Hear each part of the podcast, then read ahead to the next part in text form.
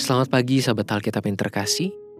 Marilah kita mengawali hari ini dengan melakukan perenungan akan firman Tuhan.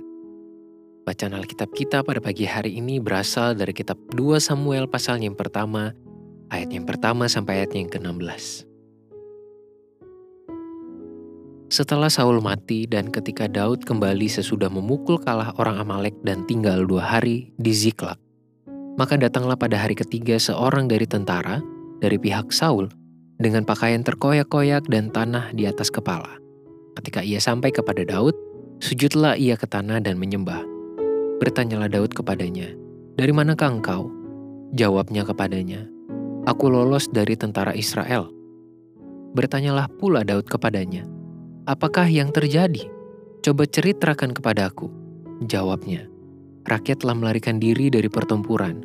Bukan saja banyak dari rakyat yang gugur dan mati, tetapi Saul dan Yonatan anaknya juga sudah mati.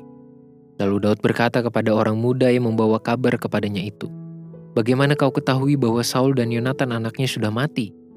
Orang muda yang membawa kabar kepadanya itu berkata, Kebetulan aku ada di pegunungan Gilboa, maka tampaklah Saul bertelakan pada tombaknya. Sedang kereta-kereta dan orang-orang berkuda mengejarnya. Ketika menoleh ke belakang, ia melihat aku lalu memanggil aku dan aku berkata, Ya tuanku. Ia bertanya kepadaku, Siapakah engkau? Jawabku kepadanya, Aku seorang Amalek. Lalu katanya kepadaku, Datanglah kemari dan bunuhlah aku, sebab kekejangan telah menyerang aku, tetapi aku masih bernyawa. Aku datang ke dekatnya dan membunuh dia, sebab aku tahu ia tidak dapat hidup terus setelah jatuh. Aku mengambil jejamang yang ada di kepalanya dan gelang yang ada pada lengannya, dan inilah dia kubawa kepada tuanku. Lalu Daud memegang pakaiannya dan mengoyakkannya, dan semua orang yang bersama-sama dengan dia berbuat demikian juga. Dan mereka meratap, menangis, dan berpuasa sampai matahari terbenam karena Saul, karena Yonatan anaknya, karena umat Tuhan dan karena umat Israel, sebab mereka telah gugur oleh pedang. Kemudian bertanyalah Daud kepada orang muda yang membawa kabar itu kepadanya. Asalmu dari mana? Jawabnya, aku ini anak perantau, orang Amalek. Kemudian berkatalah Daud kepadanya, Bagaimana? Tidakkah engkau segan mengangkat tanganmu memusnahkan orang yang diurapi Tuhan? Lalu Daud memanggil salah seorang dari anak buahnya dan berkata, Kemari paranglah dia. Orang itu memarangnya sehingga mati. Dan Daud berkata kepadanya, Kau tanggung sendiri darahmu, sebab mulutmu lah yang menjadi saksi menentang engkau, karena berkata, aku telah membunuh orang yang diurapi Tuhan. Kematian Saul dan anak-anaknya, termasuk Yonatan, dalam pertempuran di pegunungan Gilboa, telah sampai kepada Daud. Kabar itu tentu bukanlah sebuah perkara yang mudah untuk diterima olehnya. Itulah mengapa kita melihat Daud yang begitu terpukul sekaligus marah atas kabar tersebut. Segala kesedihan dan kemarahan pada diri Daud terjadi bukan hanya karena ia mendengar bahwa Yonatan, sahabatnya, telah mati dalam pertempuran, tetapi juga karena Saul, raja yang diurapi Tuhan, telah dibunuh. Secara pertimbangan sederhana, semestinya Daud merasa senang ketika Saul telah mati dalam peperangan, karena ini berarti ia sudah tidak perlu melakukan pelarian tanpa arah. Daud semestinya hanya perlu sedih atas kematian sahabatnya Yonatan. Namun di dalam perikop ini kita justru melihat Daud merasa sangat terpukul atas kematian keduanya.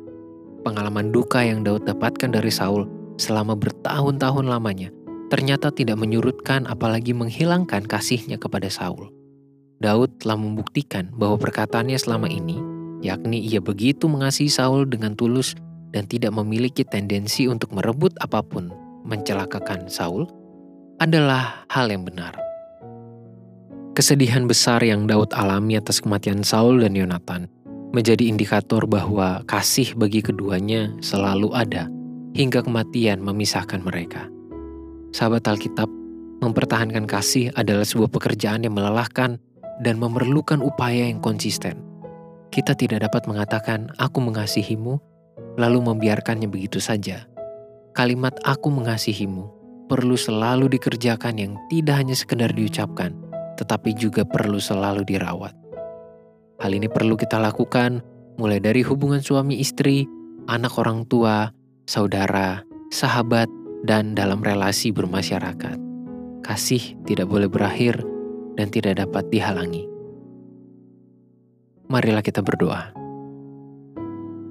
Ya Tuhan, tolonglah kami untuk mampu menjadi individu-individu yang menghadirkan kasih, yang mengasihi sesama, mulai dalam keluarga kami, dalam relasi persahabatan, dalam relasi pekerjaan, pendidikan, dan relasi bermasyarakat.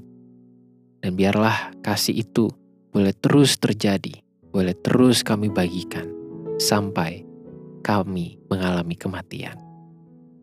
Hanya di dalam nama Tuhan Yesus, kami siap untuk mengasihi dan biarlah kami ditopang oleh pertolongan Roh Kudus. Amin.